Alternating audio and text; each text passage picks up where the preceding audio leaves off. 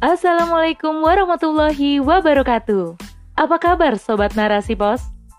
Kembali lagi bersama saya Giriani di podcast Narasi Pos. Narasipos.com Cerdas dalam literasi media, bijak menangkap peristiwa kunci. Rubrik Opini. Menakar nasib perempuan dalam kepemimpinan baru di negeri sejuta girl band oleh Iranti Mantasari, BAIR MSI. Masalah perempuan memang selalu menarik untuk dijadikan sebagai topik diskusi.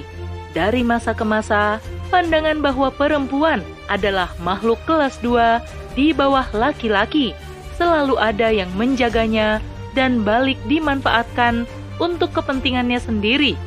Efek yang dihasilkan pun besar, masyarakat yang menelan pandangan tersebut tanpa dipikirkan secara mendalam, akhirnya tersetir oleh ide-ide yang menyuarakan isu tersebut. Korea Selatan adalah salah satu negara yang isu terkait perempuannya cukup panas di setiap waktu. Sebut saja dengan adanya gerakan hashtag MeToo yang menyuarakan tentang pelecehan seksual terhadap perempuan di lingkungan kerja dan masalah comfort woman yang membahas mengenai tuntutan para perempuan Korea Selatan yang mengalami perbudakan seksual di masa perang dulu. Dua isu ini boleh disebut selalu meramaikan media dengan berbagai tajuk. Tak hanya itu, negara ini juga tak jarang disorot terkait standar kecantikan yang ada di tengah masyarakatnya. Terlebih dengan banyaknya girl band yang membentuk stereotip perempuan cantik – Tak lupa juga isu depresi yang berujung pada tingginya angka bunuh diri di kalangan perempuannya. Semua itu membuat tidak sedikit kalangan di Korea Selatan merasa perlunya pengarus utamaan kesetaraan gender dan feminisme di sana. Bahkan, pemerintahannya memiliki kementerian khusus untuk menyasar isu-isu tersebut, yakni Kementerian Kesetaraan Gender dan Keluarga. Hanya saja, baik pemikiran feminis maupun kesetaraan gender di mana-mana memang selalu diwarnai oleh kontroversi serta pro dan kontra. Tak terkecuali di negeri sejuta girl band ini. Haluan politik dari pucuk kekuasaan juga akan sangat bisa memengaruhi bagaimana realisasi dari konsep-konsep tersebut dan dampaknya terhadap kaum perempuan. Dari pengalaman kekuasaan di negeri gingseng itu, presiden yang menjabat sebelumnya hampir dapat dikatakan semuanya menyetujui pentingnya ide feminisme. Mereka merasa feminisme dibutuhkan untuk menyelesaikan masalah perempuan di sana. Tapi, melalui pemilu mutakhirnya, Korea Selatan kini dipimpin oleh sosok yang dalam kampanyenya lantang mendeklarasikan diri sebagai anti-feminisme. Yoon Suk Yeol bahkan menjanjikan bahwa ia akan menghapus Kementerian Kesetaraan Gender dan Keluarga karena dirasa sebagai kementerian yang tidak adil terhadap laki-laki dan paling tidak berguna selama ini. Ia juga berjanji akan menambah denda atas laporan kejahatan seksual yang palsu. Dengan sikap Sukyol itu, berbagai suara mulai terkumandang yang ternyata dominan diwarnai oleh kekhawatiran akan nasib para perempuan di bawah kekuasaannya.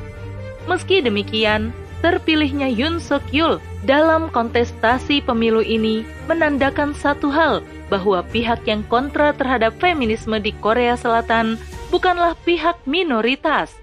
Hal ini juga berarti bahwa ide feminisme di sana bukan sesuatu yang mendapat sambutan luas dari publik fakta ini menjadi menarik karena akhirnya ada anggapan yang bergulir bahwa justru dengan sedikitnya orang yang menyetujui dan mendukung feminisme di Korea Selatan, maka angka diskriminasi terhadap perempuan masih terbilang tinggi.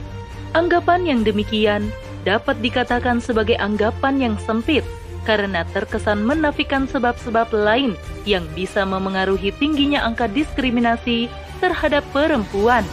Misalnya, masalah ideologi yang dijalankan oleh Korea Selatan selama ini, yakni kapitalisme yang diwarnai ruh sekuler dan menyebabkan kebebasan individu di Korea Selatan sangat terasa. disebut sebagai invisible cause atau sebab yang tidak terlihat dari berbagai masalah yang menimpa perempuan.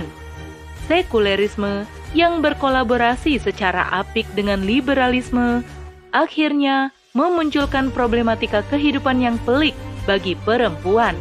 Tak hanya di Korea Selatan, tapi di banyak tempat di muka bumi hari ini, mulai dari diskriminasi, pelecehan seksual, hingga monetisasi dan kapitalisme sisi keperempuanan.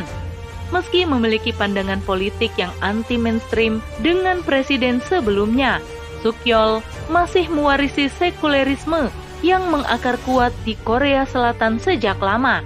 Ciri khas sekulerisme yang menempatkan rasio manusia di atas segalanya karena menampik otoritas agama dan Tuhan menjadi pelanggeng masalah-masalah perempuan. Hal ini disebabkan karena sekulerisme ketika menyelesaikan suatu permasalahan, ia hanya menyasar apa yang tampak saja tanpa menyentuh akar masalahnya, persis seperti sejarah kelahiran sekulerisme di barat dahulu.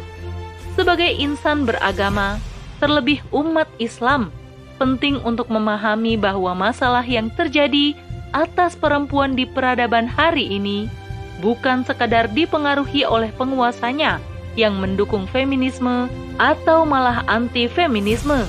Yang anti-feminisme tidak akan bisa memberikan solusi komprehensif terhadap perempuan. Begitupun yang menjadikan kampanye feminisme sebagai agenda utamanya. Jika keduanya masih bermufakat untuk menjadikan sekulerisme sebagai landasan dalam menjalani kehidupan di berbagai aspek. Mengapa? tak lain dan tak bukan karena sekulerisme memangkas bahkan meniadakan kemahaan Allah Subhanahu wa taala sebagai pencipta dan pengatur kehidupan umat manusia, baik di negeri sejuta gerben maupun di negeri-negeri lainnya. Wallahu a'lam bishawab.